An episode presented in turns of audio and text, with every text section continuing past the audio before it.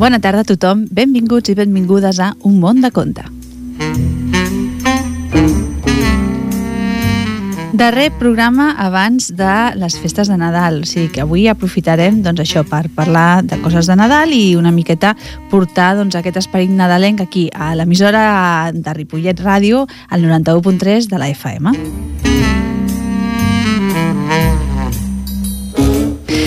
Doncs per no allargar-me massa, perquè avui comencem una miqueta més tard, doncs us passo a llegir quins són els títols que hem triat per avui. I són aquests. En Joanet del Sol al front, els set isars, el fanal dels set colors i, per acabar, una història de Nadal. Un Nadal molt especial.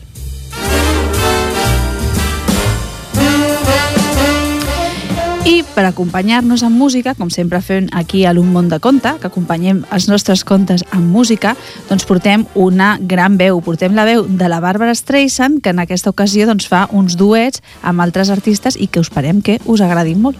You ever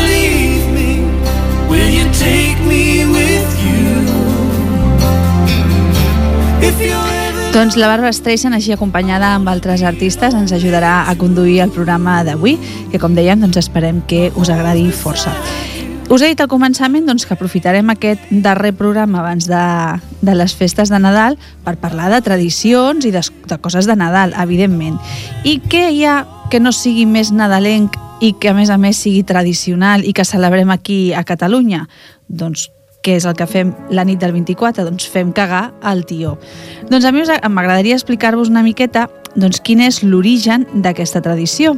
I és que realment, eh, pels vols del dia de la Puríssima, que això és el 8 de desembre, si recordeu, doncs ja tenim la soca a casa, aquest tros de fusta que és el tió, i li comencem a donar menjar cada dia.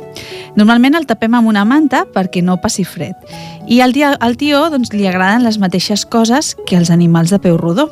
Tot excepte la palla, fruita, verdures, serradures, ous i tot, i tot se li, se li ofrena de manera crua, és a dir, no li posem coses cuinades. També se li dona aigua, evidentment, perquè no tingui set. I la veritat és que hi ha múltiples tradicions locals que a vegades doncs, prefereixen uns aliments o uns altres, però vaja, excepte la palla, els tiós són de bon menjar i ho accepten gairebé tot. El tió es fa cagar per la vigília de Nadal o el mateix dia 25 de desembre. Hi ha gent que ho fa el 24 i altres el 25, abans o després de l'àpat familiar. A les cases amb llar de foc hi ha qui posa el tió una estona abans per fer-lo cagar o mentre ho fa, ja que per cagar ha d'estar encès. Però avui en dia, com que la majoria de les cases doncs, no tenen llar de foc, ja no se l'encén.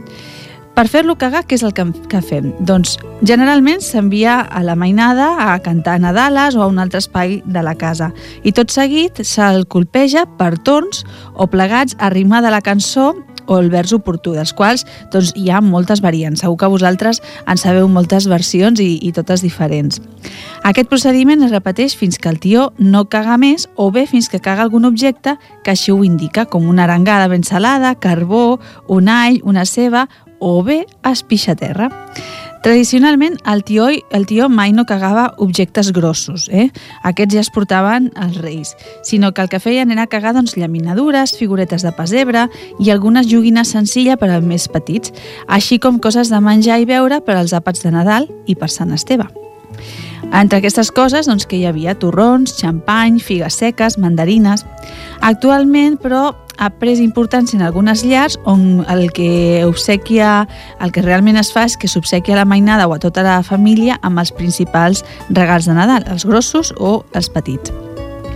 Per aquesta vinentesa, doncs, i normalment acostumem a alçar el tió recolzant-lo a dues o més cadires o peces que permetin que caiguin objectes més grossos, de vegades tenen potes. I bé, a més dels tions propis, doncs mm, se n'estableixen també a casa dels avis, els oncles, o sigui, que els infants doncs, fan cagar més d'un dia al tió, aquesta soca doncs, que portem a casa nostra i que està amb nosaltres doncs, al llarg d'aquest mes de desembre. Esperem des d'aquí, des de món de Conte, que si feu cagar el tió i si us heu portat bé, que us cagui moltes coses dolces i també torrons.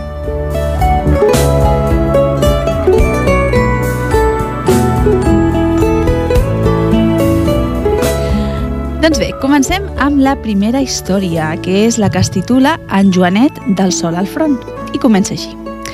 Vet aquí que en aquell temps en què els arbres cantaven, hi havia un noiet que va néixer amb la figura del sol al front. Sempre va pensar que allò era signe d'aventura i quan va ser prou gran va decidir anar-se'n pel món. Camina que caminaràs va trobar una velleta que quan li va veure el sol al front el va aturar. I mentre la feia empatar, la velleta li va revelar que seria rei.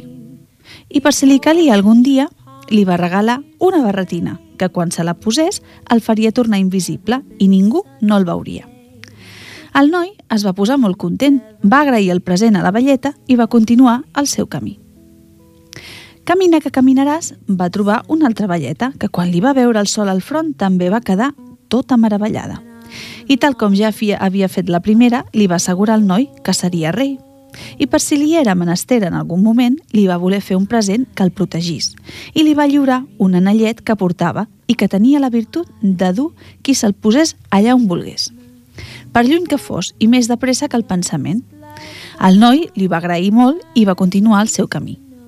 Camina que caminaràs encara va trobar una altra velleta, que tan sorpresa com les altres de veure-li la figura del sol al front, li va tornar a dir que seria rei i li va demanar que acceptés com a present un bastó que garrotejava tothom que se li ordenava.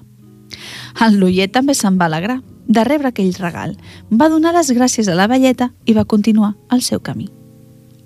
Camina que caminaràs, camina que caminaràs, al cap de tres dies, en Joanet del Sol al front va arribar a una gran ciutat on tothom anava de dol i la tristesa li coixia la cara. Va pensar que els n'havia de passar alguna cosa de molt grossa i va decidir esbrinar-ho. Va aturar el primer vianant que va veure i li va preguntar. L'home li va respondre. Però es veu que sou foraster jove i no sabeu un borrall del que ens passa ni de la gran desgràcia que ens ha caigut al damunt. Un gegantàs molt ferotge s'ha instal·lat a prop de la ciutat i cada dia es menja tres persones, una per esmorzar, una per dinar i una per sopar. Per tal que no ens entri a la ciutat a fer malifetes, vam decidir fer un sorteig cada dia, a fi i efecte de veure quines tres persones els toca ser menjades i els enviem. No patiu, que això s'acabarà de seguida, perquè jo aniré a trobar aquest gegant de qui em parleu i el mataré. Però es veu que ets molt jove i no tens cap experiència i que no en saps res, ni de la força que té el gegant, ni del mal geni que gasta. Però en Joanet, el sol al front, es va posar l'anell i zas! De seguida va ser enmig d'un bosc molt espès i davant d'una casota que era on el gegant vivia. Així que hi va entrar, s'hi va trobar una bellota que escombrava i li va preguntar si aquella era la casa on vivia el gegant.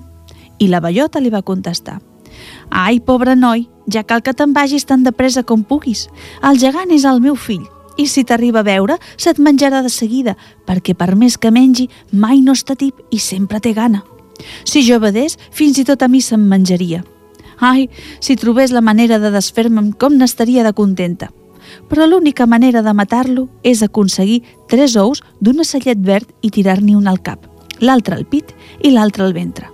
I això tampoc no ho podrà fer ningú, perquè l'ocellet està tancat dins d'una caixa de ferro que hi ha al fons del mar. En Joanet del Sol al front va dir a la vella «No cal que patiu, bona dona, jo trobaré aquest ocell i li prendré els ous i mataré el vostre fill».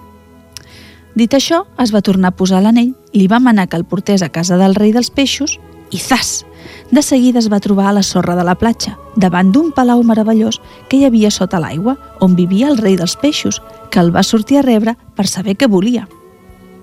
En Joanet del Sol al front li va dir que necessitava trobar una caixa de ferro que era al fons del mar, on hi havia un ocellet tancat. El rei dels peixos va agafar un bastonet, el va tirar a l'aigua i de seguida se li van presentar tots els peixos, peixets i peixarros del mar que deien tots alhora «Què mana el nostre rei?»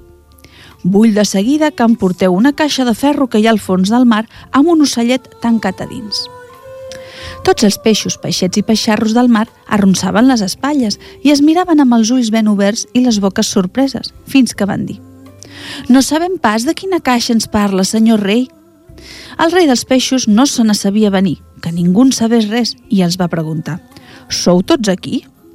«Senyor rei, falta el dofí». Va ser esmentar-lo i sentir-se un xop-xop-xop qui era el dofí, que arribava mig adormit perquè no havia sentit la crida del rei de tant com dormia. Quan el rei dels peixos el va, venir, el va tenir davant i li va preguntar per la caixa de ferro, el dofí va contestar. Precisament hi dormia al damunt. Doncs ja cal que el portis ara mateix. El dofí va girar cua i es va capbussar. Al cap d'una estona va tornar amb la caixeta de ferro, que comparava amb la, comparada amb la, amb la grandària del peix semblava molt petiteta. El rei dels peixos la va agafar i la va donar al noi que duia el sol al front mentre li deia «Has d'anar molt de compte quan l'obris, perquè si no, l'ocell et fugirà i no el podràs agafar. El que pots fer és carregar-te la caixa a l'espatlla i agafar el camí de mitjorn.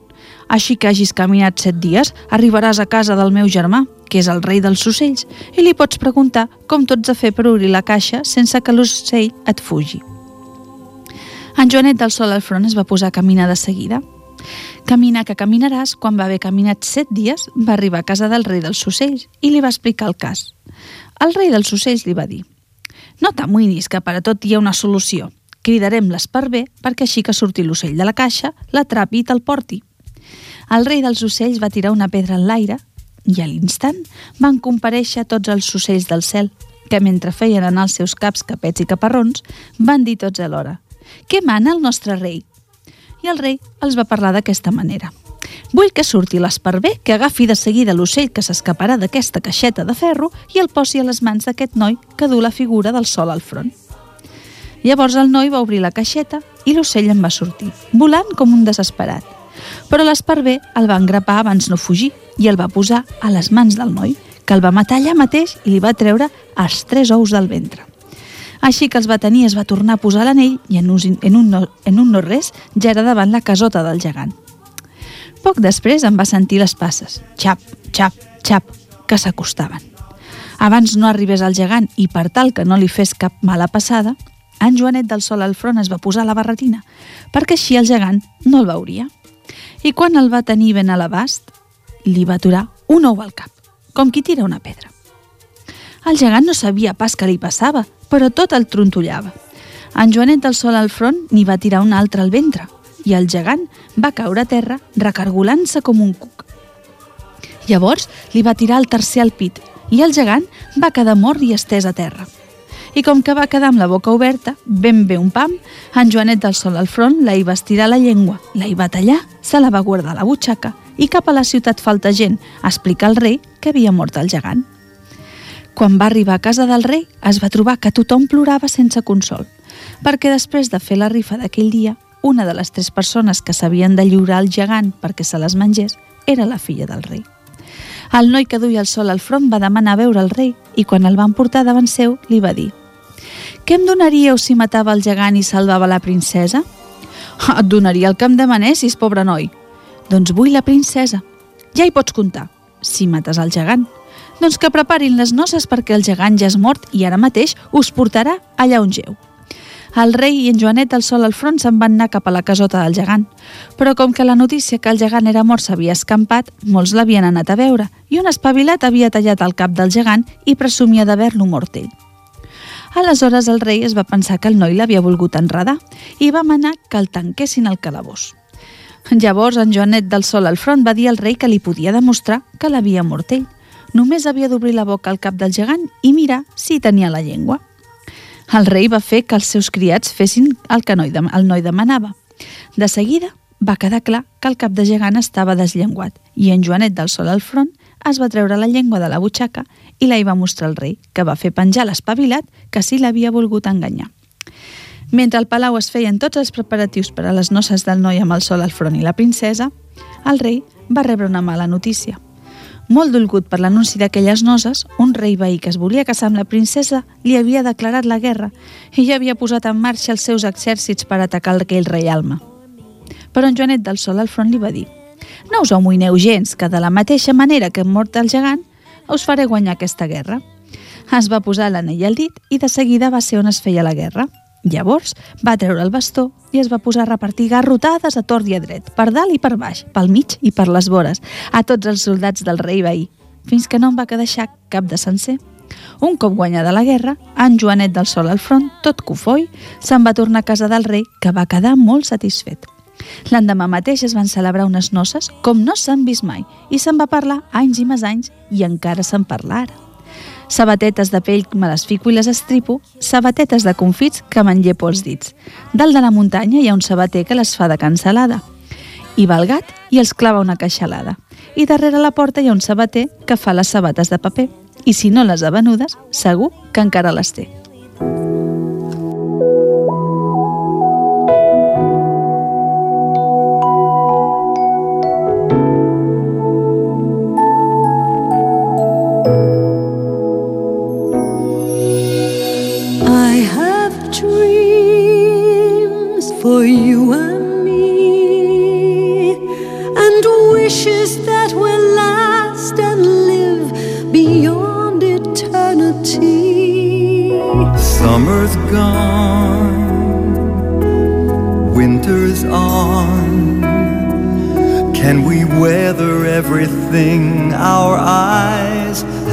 To see.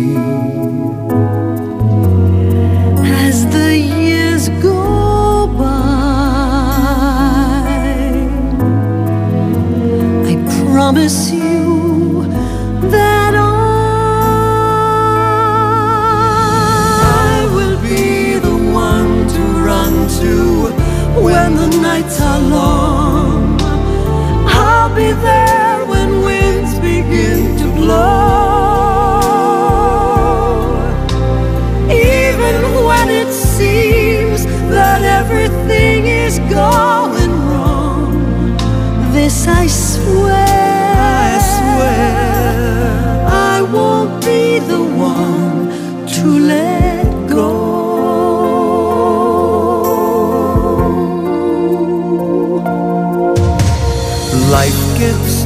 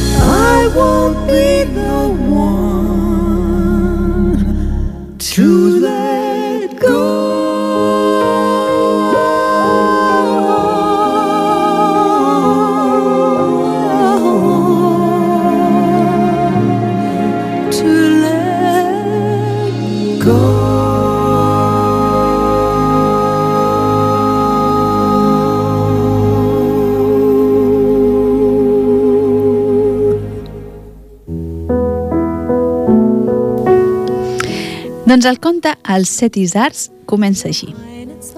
Hi havia una vegada un rei que tenia set fills i la reina estava a punt de tenir una altra criatura.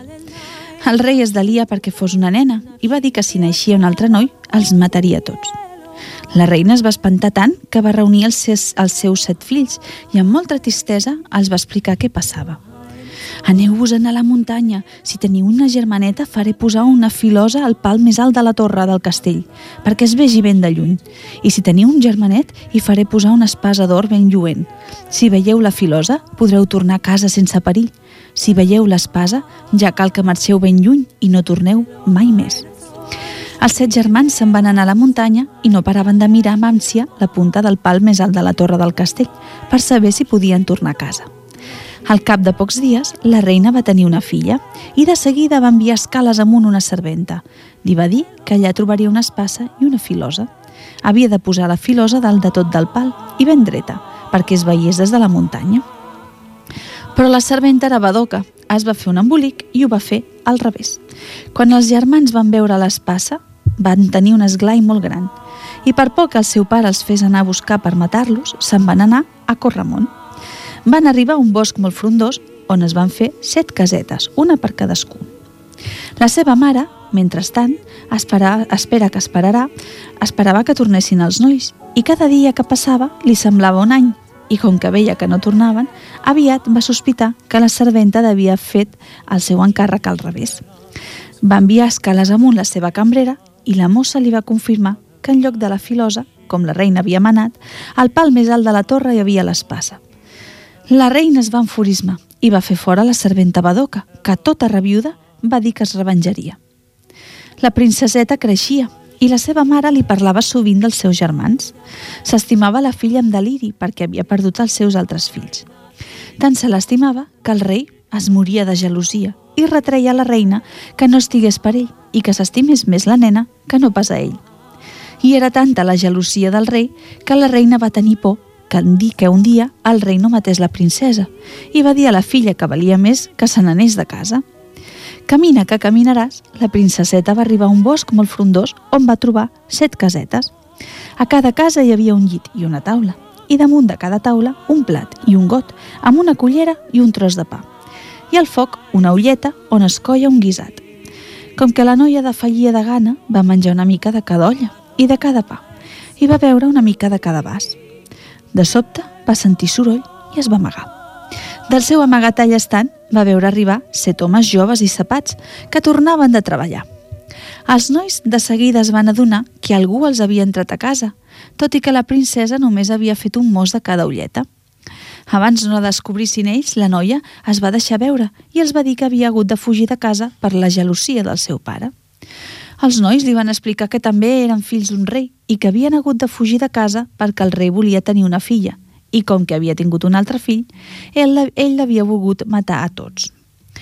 Com, que, com més coses explicaven, més s'adonaven que eren germans i van tenir una alegria molt gran. Però per por de que els podia, del que els podia fer el pare, van pensar que era millor no tornar a casa i quedar-se a viure al bosc tots plegats. Quan ja feia molt de temps que vivien d'aquesta manera, es va presentar aquella serventa rancuniosa disfressada de captaire i va demanar a la noia una almoina. La noia la va fer entrar i li va donar de menjar, però la serventa tot d'una es va posar a trencar les olles de totes les cases i després va fugir. La noia es va posar a plorar fins que van arribar els seus germans que la van consolar i li van dir que si mai tornava aquella captaire no la deixés entrar. Pocs dies després, la serventa va tornar. La noia no la volia deixar entrar, però tantes penes i llàstimes li va explicar la serventa i tant li va dir que des del dia que la noia li havia donat menjar no havia tornat a tastar res, que al final se'n va compadir i la va deixar entrar i li va donar menjar. I la serventa, com l'altra vegada, així que va haver menjat, es va posar feta una fera i va tornar a trencar les olles de les set cases. Quan van tornar els set germans, van trobar la seva germana plorant i per més que li van dir que si venia la serventa no la deixés entrar, al cap de pocs dies hi va tornar a anar. I la noia es va tornar a compadir dels seus planys i també aquesta vegada la serventa va trencar les ulletes. Els germans enfurismats van decidir amagar-se'n a prop de les cases per si la serventa tornava i donar-li un bon escarment. I així que la van veure arribar, els set germans van sortir del seu amagatall i s'hi van abraonar, però la serventa els va tirar un grapat de sal i els set joves van quedar convertits en set isards. Quins plors i quin desesper va tenir la noia quan va veure els seus germans convertit, convertits en bèsties. Però s'hi va haver de conformar, perquè no podia fer res més. Es va convertir en la seva pastora i els tractava amb tant d'afecte com quan eren persones. Un dia va passar per allà un rei. Quan va veure la pastora com tenia molta set, es va aturar i li va demanar aigua. La noia n'hi va donar i el rei la va trobar tan dolça de paraules i la va veure tantes gràcies que li va demanar que es casés amb ell. Llavors, la princesa no s'hi volia casar de cap de les maneres, però no va, per, no, per no haver de deixar els seus germans. Però com més li deia, ell més volia que li digués que sí, i només volia saber per què una pastora no volia un rei per marit. Llavors la noia li va fer saber que mai ni per res voldria deixar els set isars, que pasturava, però sense dir-li que eren els seus germans encantats.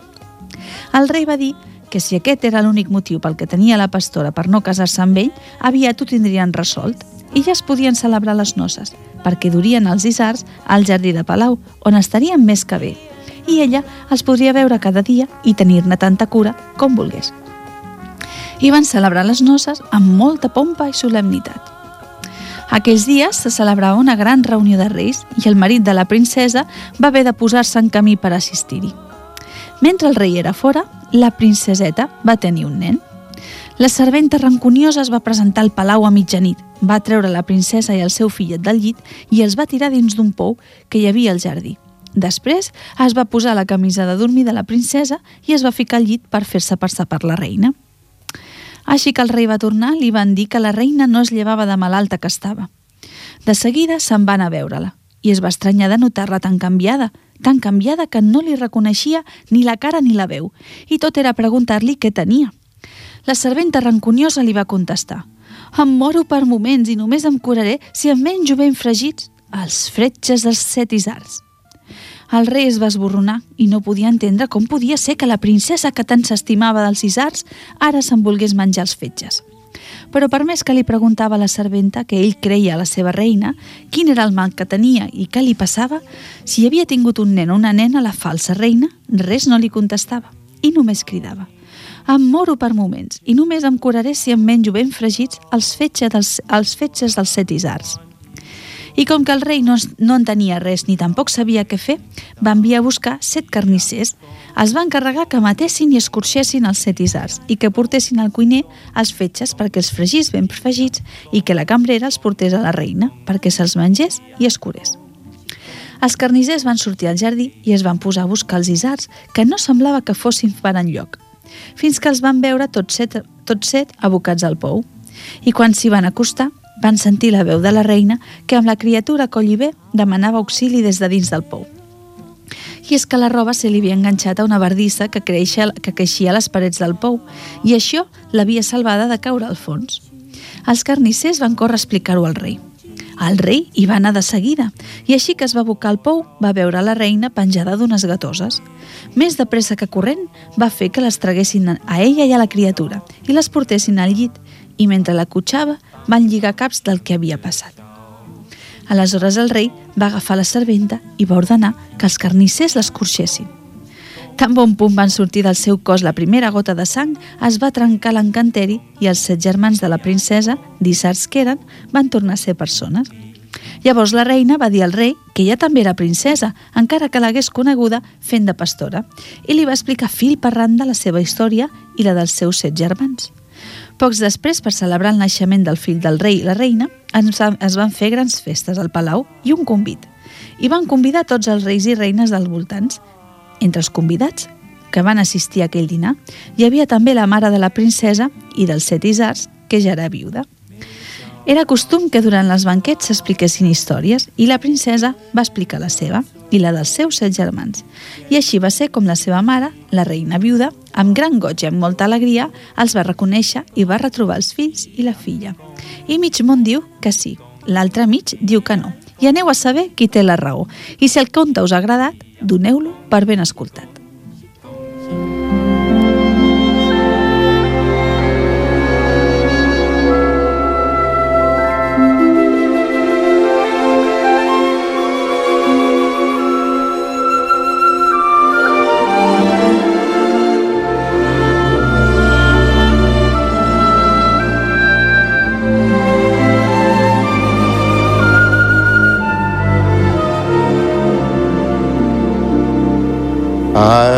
Got a crush on you,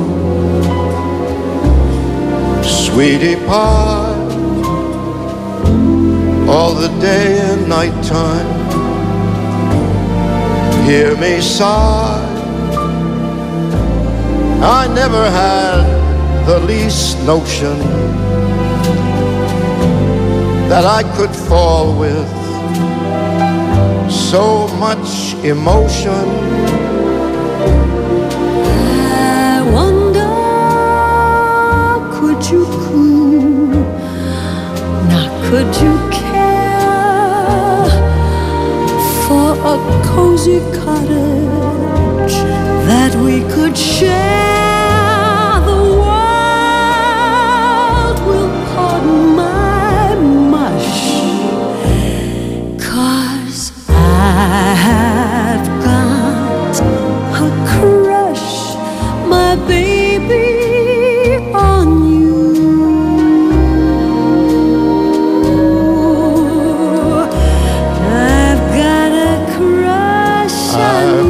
Crush on you, sweetie pie. sweetie pie. All the day and night time. All the day and night time. Hear me sigh. Hear me sigh. I never had the least notion the least notion that I could fall with I'd fall So with much, so much, so much emotion. Could you coo? I could, Could you possibly care I could care for a lovely cottage for that cottage that we could share? The, The world will pardon my mush.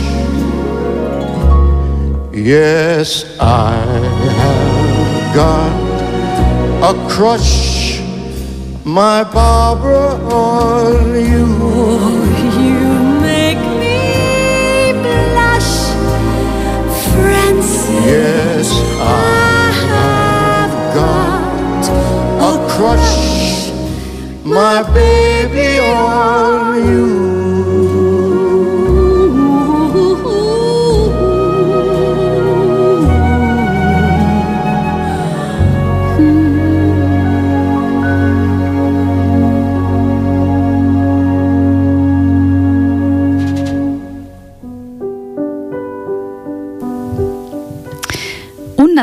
Molt especial.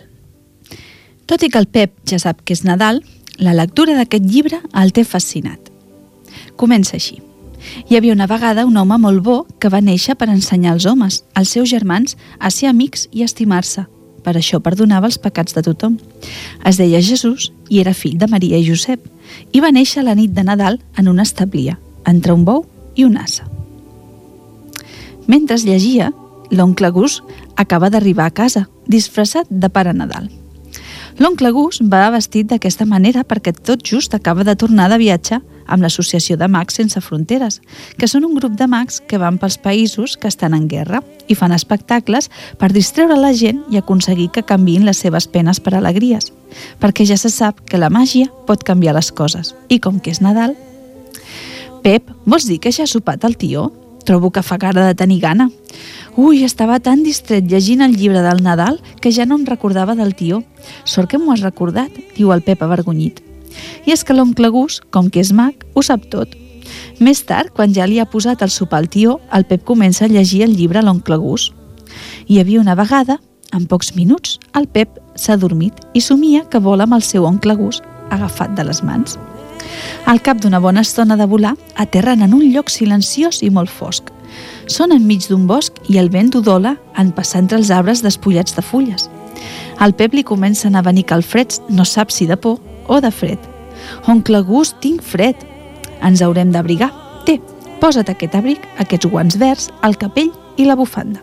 Et sents millor? El Pep fa que sí amb el cap. On som, oncle Gus? Aviat ho veuràs, és una sorpresa. Veus aquella resplendor? Sí, veig una llum molt brillant i no sembla gaire lluny. Anem-hi, doncs, a veure què hi trobem. Comencen, comencen a caminar vers la llum i aviat es troben dos pastors que els saluden mentre s'apressen a pagar un foc i a recollir les restes del seu campament. On aneu tan de pressa? els pregunta encuriosit l'oncle Gus.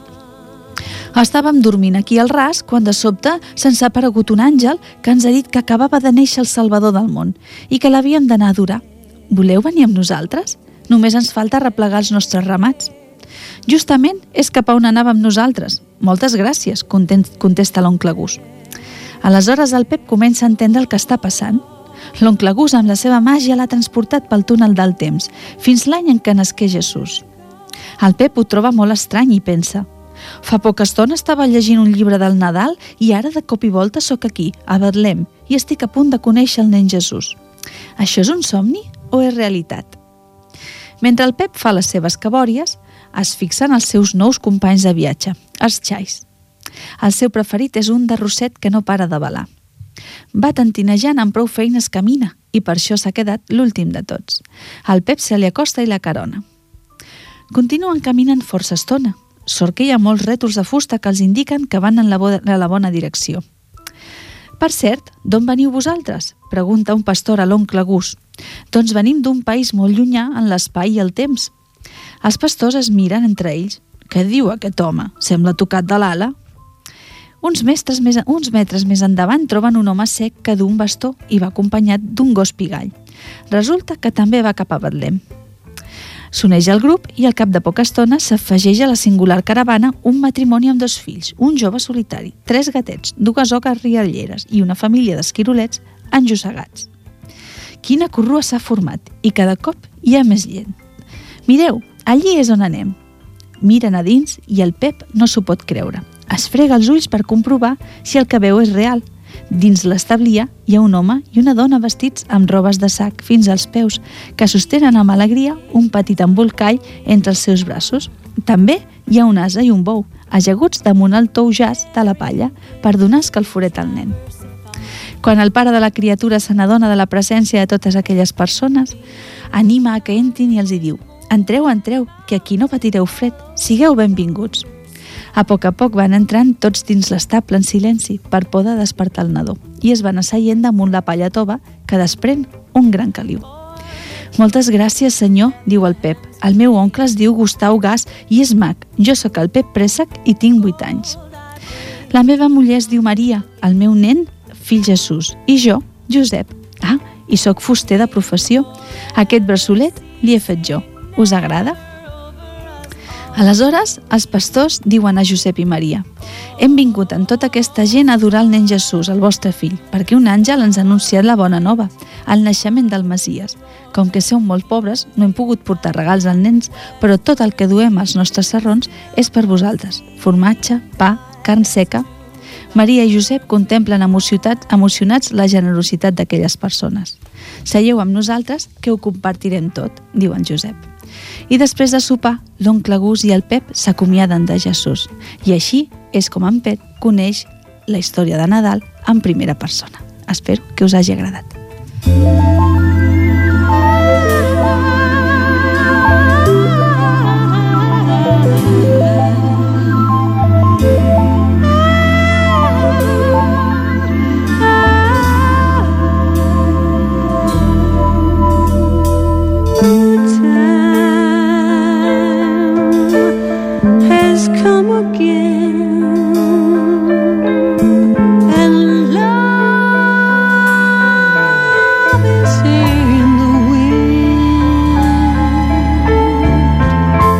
like some music in a dream.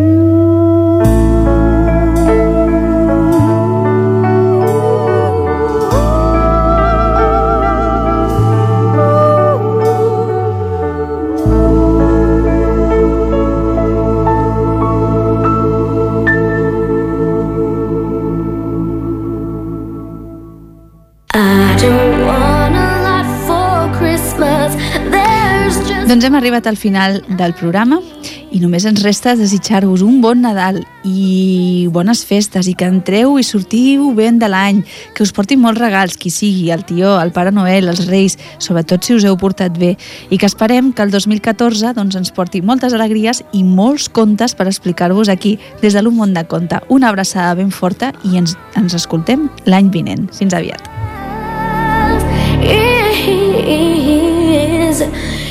You.